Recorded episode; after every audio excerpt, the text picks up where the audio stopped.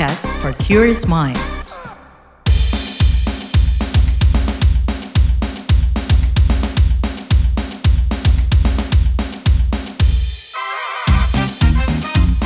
What's Trending KBR Pagi, siaran pagi radio paling update.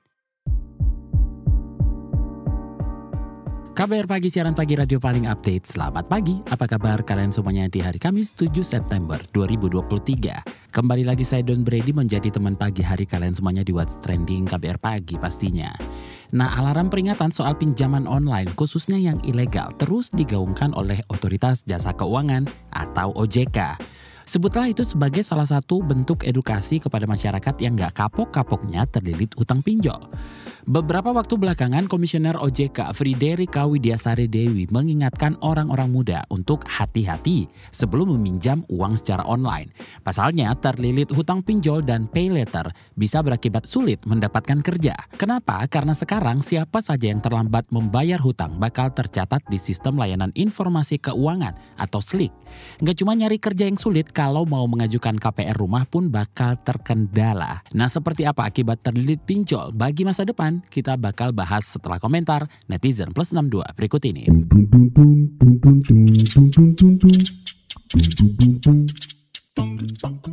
Kita ke komentar at kabar S4XX. Jauhi pinjaman online jika nggak mau sengsara. Lalu komentar at G1OXX. Masa depan cerah tapi kesendat gara-gara pinjol. Komentar at Aksa XX. Nih, kalau dia pinjol, tuh ntar malah dia bisa jadi susah nyari kerja. Karena apa? Namanya udah kedaftar di pinjol-pinjol itu. Lanjut ke komentar at XX. Makanya kalau kamu punya pinjaman harus lunasi cicilan tepat waktu supaya terhindari dari denda yang membengkak. Kalau perlu pasang pengingat di ponsel biar nggak lupa, oke? Okay? Komentar at TokTok XX. Bukannya mau sok nasehatin sih, tapi jangan sampai tergiur pinjol ya guys, bikin sengsara. Sekarang mah hidup harus dikuat-kuatin. Cukup dengan kebodohan yang gue laluin sejauh ini. Ke komentar at pang xx at divhumas underscore polri. Bukan hanya judi online pak, berantas juga pinjol, bikin sengsara nih. Dan terakhir komentar at jose xx. Mari kita berantas pinjol ilegal.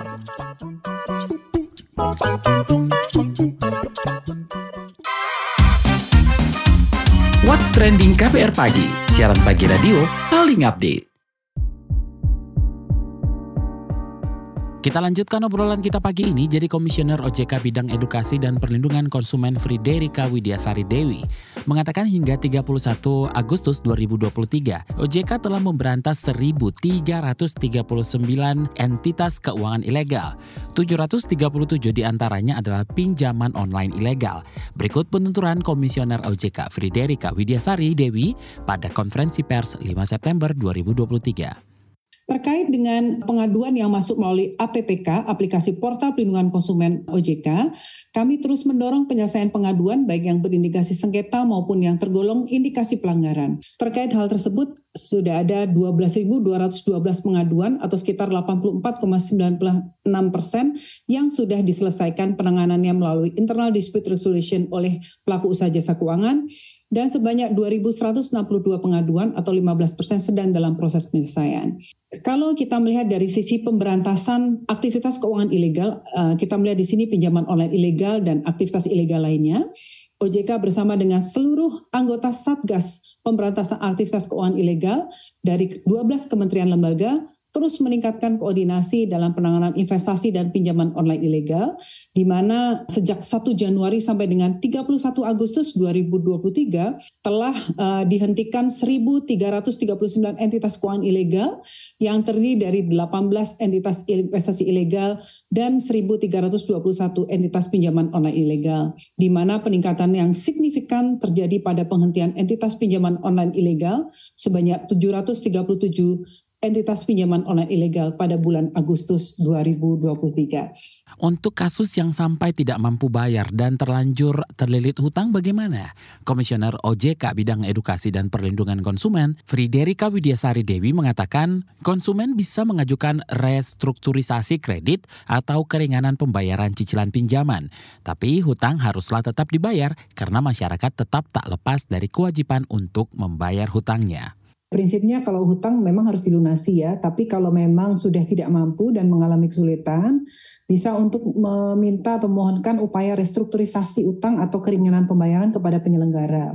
Ini bisa beberapa hal ya, misalnya minta pembayaran cicilan lebih rendah, atau misalnya minta perpanjangan jangka waktu pelunasan dan mungkin bahkan kalau dimohonkan misalnya pengurangan pokok utang dan lain-lain. Intinya adalah peminjam dapat menemui pihak fintech peer-to-peer lending ini untuk mendiskusikan restrukturisasi utang tersebut. Yang penting punya itikat baik dan komitmen baik untuk penyelesaian kewajiban.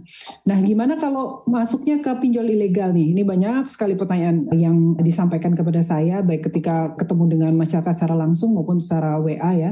Kalau berhubungan dengan pinjol ilegal itu relatif eh, memang sulit ya dilakukan karena pertama tentu nggak gampang ketemu dengan pengelolanya karena nggak jelas. Kemudian perilaku penagihan pinjol ilegal yang sering kali mengganggu privasi masyarakat ya atau peminjam. Kemudian nama baik peminjam tuh menjadi sangat terganggu ya karena dalam banyak kasus kemudian dihubungi relatif-relatifnya dan dipermalukan dan lain-lain. Dan dalam banyak hal peminjam kadang-kadang nggak menyadari kalau mereka menekan tombol pinjaman di pinjam pinjaman online ilegal ini tiba-tiba uang udah masuk ke rekening. Nah kalau sudah terjadi seperti ini ya peminjam yang merasa tertipu dengan pinjol ilegal ini terganggu dengan metode penagihannya dan sulit untuk melunasi pinjol ilegal ini bisa melaporkan ke kepolisian. Laporan ini dilakukan dengan pertimbangan ya transaksi yang terjadi tidak sesuai dengan syarat sahnya suatu perjanjian kalau kita melihat ke pasal 1320 KUH Perdata karena berkaitan dengan ranah ilegal.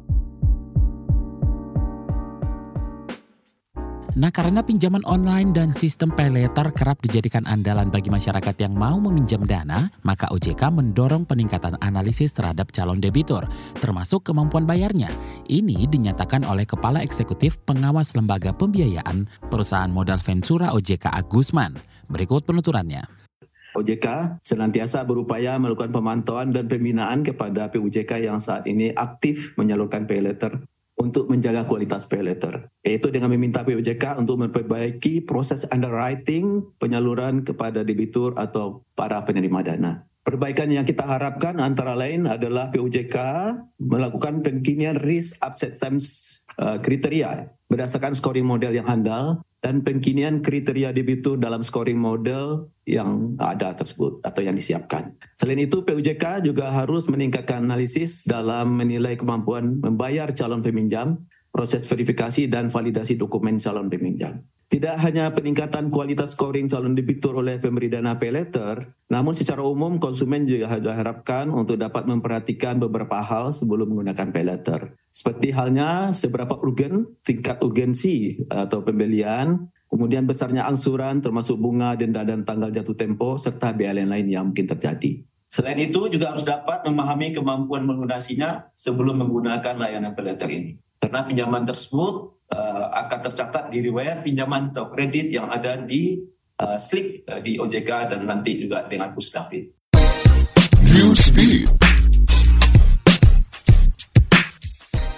Berbagai sekolah di Prancis memulangkan puluhan siswinya karena menolak membuka abaya. Menurut keterangan dari Menteri Pendidikan Prancis, Gabriel Attal, ada sekitar 300-an siswi muslim yang datang ke sekolah menggunakan abaya. Padahal pemerintah Prancis secara tegas melarang pakaian tersebut. Sebelumnya, Presiden Prancis Emmanuel Macron mengaku tak berkompromi soal larangan abaya di lingkungan sekolah dan institusi pendidikan. Bahkan, Macron mengabaikan protes dan tetap melanjutkan larangan tersebut, sebab abaya dianggap menimbulkan sejumlah ketegangan di sekolah maupun institusi pendidikan. Idol K-pop sekaligus duta besar regional untuk UNICEF Asia Timur dan Pasifik, Choi Siwon, meminta seluruh pemimpin di ASEAN berinvestasi pada anak. Menurut Siwon, anak perlu mendapatkan pendidikan dan ditunjang fasilitas pendidikannya. Ini bertujuan mengembangkan kreativitas dan kemampuan anak. Siwon memaparkan nilai tambah investasi pada anak di sekolah dasar mencapai 10 kali lipat. Selanjutnya, Siwon juga mendorong pemimpin-pemimpin negara ASEAN memberikan perlindungan dan rasa aman pada anak khususnya di isu perubahan iklim. Salah satunya memberikan vaksin untuk mengantisipasi berbagai ancaman penyakit akibat perubahan iklim aktris musikal asal Indonesia bergabung dalam pertunjukan teater Aladin di berbagai kota di Britania Raya. Ia adalah Desmonda Katabel, seorang aktris dan penyanyi musikal. Rencananya, Desmonda bakal memulai perannya sebagai Putri Jasmine pada 24 Oktober 2023 di Edinburgh, Skotlandia. Dikabarkan Desmonda sudah meniti karir dengan mengikuti berbagai pertunjukan musikal amatir sejak di Jakarta. Namun pada 2021, akhirnya ia mendapatkan beasiswa dan belajar di Royal Academy of Music London. Desmonda juga tercatat sebagai orang Indonesia pertama yang tampil di teater West End London, Inggris.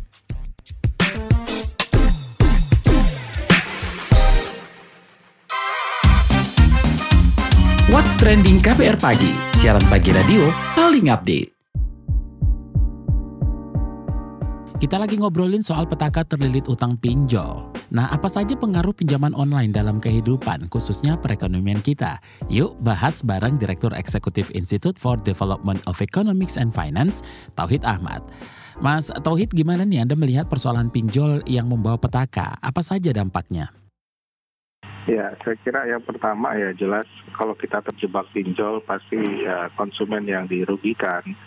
Ya, yang pertama tentu saja dari segi keuangan ya, dia akan terbebani keuangan yang eh, mungkin jangkanya menengah atau panjang nggak selesai dalam setahun, mungkin dalam waktu lima tahun kalau dia tidak melakukan katakanlah eh, pembayaran begitu ya, eh, sepanjang dia bisa membayar dan bisa melengkapi maka eh, itu akan sangat baik tapi kalau tidak pasti dia punya track record dan uh, ada di catatan itu begitu. Saya kira itu yang yang uh, pertama begitu ya. Jadi dampaknya uh, tentu saja secara finansial pasti akan uh, merugikan. Yang kedua adalah berkaitan dengan sosial begitu ya. Orang terkena pinjol biasanya paling tidak keluarga dekat lama kelamaan akan tahu. Apalagi kalau misalnya dia tidak mampu bayar, pastikan didatangi oleh debt collector dan sebagainya sehingga keluarga dekat tahu. Dan itu akan membuat ketidakpercayaan dari masyarakat yang pinjam eh, terhadap keluarga, eh, terhadap dirinya bahwa dia tidak bisa dipercaya dalam mengelola keuangan ya. Lain halnya kalau misalnya masyarakat memang tidak punya pilihan lain. Nah dampak sosial juga ada semacam penghakiman ya bahwa pinjol itu menjadi konotasi negatif begitu ya ya e, karena terutama bagi yang tidak mampu membayar atau mengalami tunggakan yang cukup panjang. Yang minjam satu juta bisa sampai puluh-puluhan juta karena bunga berbunga yang diterapkan oleh e, pinjaman online gitu. E, implikasinya adalah dia harus membayar utang dan sebagainya konsumsi yang dia lakukan saat ini karena pinjol itu besar, tapi lama kelamaan konsumsi akan turun karena dia akan mengalokasikan uh, uangnya ya untuk membayar pinjaman sehingga akan mengurangi konsumsi yang normal ya yang seharusnya dia bisa lakukan. Nah, secara agregat kalau ini banyak masyarakat yang terjerat pinjol ya konsumsinya secara agregat juga menurun dan ini pengaruh ke permintaan barang dan jasa juga akan semakin turun. Tapi ada nggak sih mas orang-orang yang berhutang tapi dia tuh tahu kalau dia nggak punya daya untuk membayar hutangnya dan justru sudah berniat tidak membayar. Gimana trennya? Mungkin ya belum belum ada kan data itu nggak terbuka ya dari OJK apalagi dari pinjol nggak akan terbuka begitu. Pasti ada lah begitu ya mereka biasanya yang pengangguran ya tapi kepingin mempertahankan gaya hidup atau yang berada atau sedikit di bawah garis kemiskinan atau rentan miskin biasanya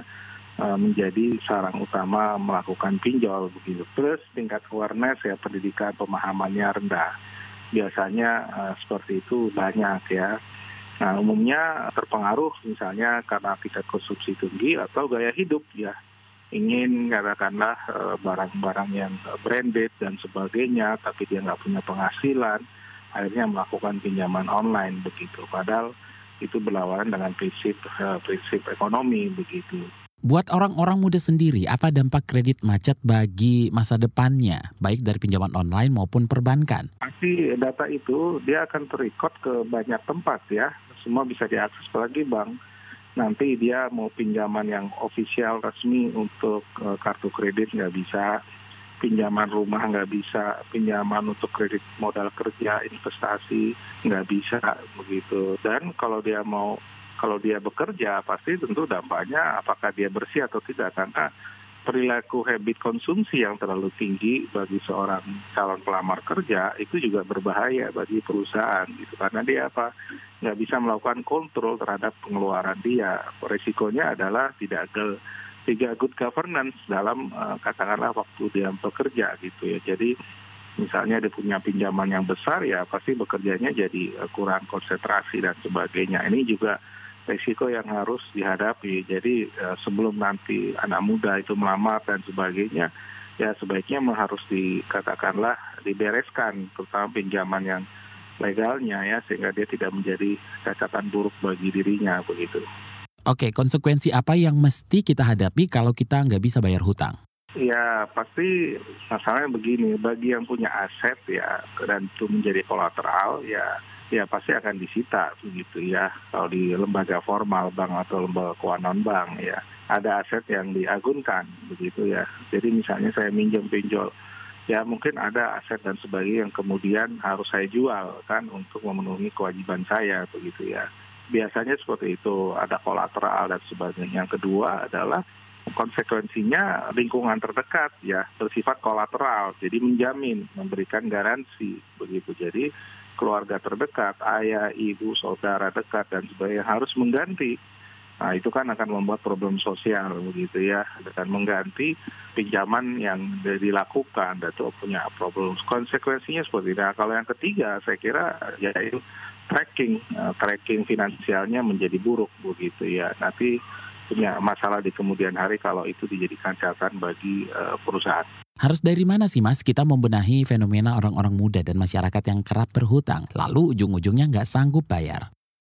Ya menurut saya ya harus pertama ya ya fenomenanya ya harus penyadaran lah mahasiswa eh, ke siswa ataupun anak-anak muda ya bahwa pilih ini berisiko sangat tinggi. Itu harus dan bukan sekedar ilegal dan ilegal tetapi OJK dan pemerintah ya harus memberi bahwa ini ada jebakan begitu jebakan ini di depan tapi jadi jurang di kemudian hari kalau tidak mampu membayar gitu. Jadi penyadaran itu yang penting yang kedua cyber crawling begitu ya harus dilakukan terus terutama yang ilegal oleh OJK ataupun berbagai pihak. Karena masuk yang jebakan karena ikut game, ikut website, semua kan digital di tangan. Nah itu harus ada cyber crawling memberikan warning ini nggak bisa, ini boleh, ini dilarang dan sebagainya. Saya kira itu menjadi poin penting. Yang ketiga adalah ada regulasi begitu. Kalau tidak punya pendapatan ya tidak punya income yang jelas uh, dibuktikan dengan gaji dan sebagainya dilarang untuk minjam begitu aja begitu. Jadi anak muda kan nggak punya penghasilan pengangguran. Dari mana dia bisa dikasih kemudahan untuk minjam? Tidak ada kolateral tidak ada jaminan tidak ada yang memberikan garansi keluarga ayah atau ada harta. Nah ini kan tidak ada bukti gaji nah peraturannya harusnya ada gitu kalau tidak ada bukti dia punya pendapatan, jangan jangan dikasih jangan dikasih pinjaman. Itu harus tegas harusnya oleh pemerintah. Terima kasih Direktur Eksekutif Indef Tauhid Ahmad.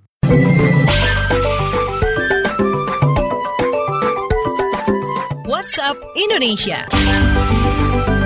WhatsApp Indonesia kita mulai dari Maluku Tenggara. Kementerian Pemberdayaan Perempuan dan Perlindungan Anak Kemen PPPA mengancam kasus tindak pidana kekerasan seksual yang diduga dilakukan oleh Bupati Maluku Tenggara. Korban adalah seorang karyawan kafe milik terlapor. Menteri PPPA Bintang Puspayoga mengapresiasi keberanian korban berinisial TSA karena telah mengungkapkan dugaan kasus kekerasan seksual yang menimpa dirinya. Bintang memastikan pihaknya terus berkoordinasi dengan Polda Maluku dan dinas-dinas terkait soal keberlanjutan penanganan kasusnya. Bintang memastikan pihaknya terus berkoordinasi dengan Polda Maluku dan dinas-dinas terkait soal keberlanjutan penanganan kasusnya. Belajar dari kasus ini, Bintang memastikan kampanye Dare to Speak Up atau berani berbicara kepada masyarakat, khususnya di kasus-kasus kekerasan seksual terus digaungkan. Kita beralih ke informasi selanjutnya, Menteri Luar Negeri Retno Marsudi mengungkap ASEAN mendapat pujian dari Direktur Pelaksana IMF Kristalia Georgieva karena ekonominya tumbuh tinggi di tengah perlambatan global. Perlambatan dipicu pandemi COVID-19 dan perang Rusia-Ukraina. Retno Marsudi menambahkan IMF menyebut ASEAN berkontribusi 10% terhadap pertumbuhan global. Katanya, IMF juga menilai ASEAN merupakan satu titik terang di tengah situasi dunia yang tak menentu. Terakhir, ada kabar soal kehidupan beragama. Wakil Ketua Dewan Nasional Setara Institut Bonar Tigornai Pospos mengkritik usulan mengontrol tempat ibadah dan Badan Nasional Penanggulangan Terorisme BNPT. Usulan itu dianggap Bonas berpotensi melanggar hak konstitusi warga, salah satunya melanggar kebebasan beragama dan berkeyakinan. Bonar Tigornai Pospos menuturkan lebih baik pemerintah membangun dialog dan bekerja sama dengan ormas-ormas keagamaan untuk mencegah penyebaran paham intoleran dan radikal. Sebelumnya, Kepala BNPT Riko Daniel mengusulkan agar semua tempat ibadah di bawah kontrol pemerintah. Usulan ini bertujuan agar tempat ibadah tak menjadi sarang radikalisme, namun usulan ini tak lepas dari kritikan. Demikian WhatsApp Indonesia hari ini.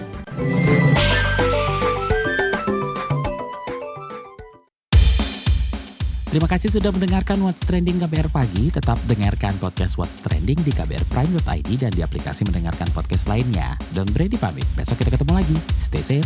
Bye-bye. What's Trending KBR Pagi. Siaran pagi radio paling update.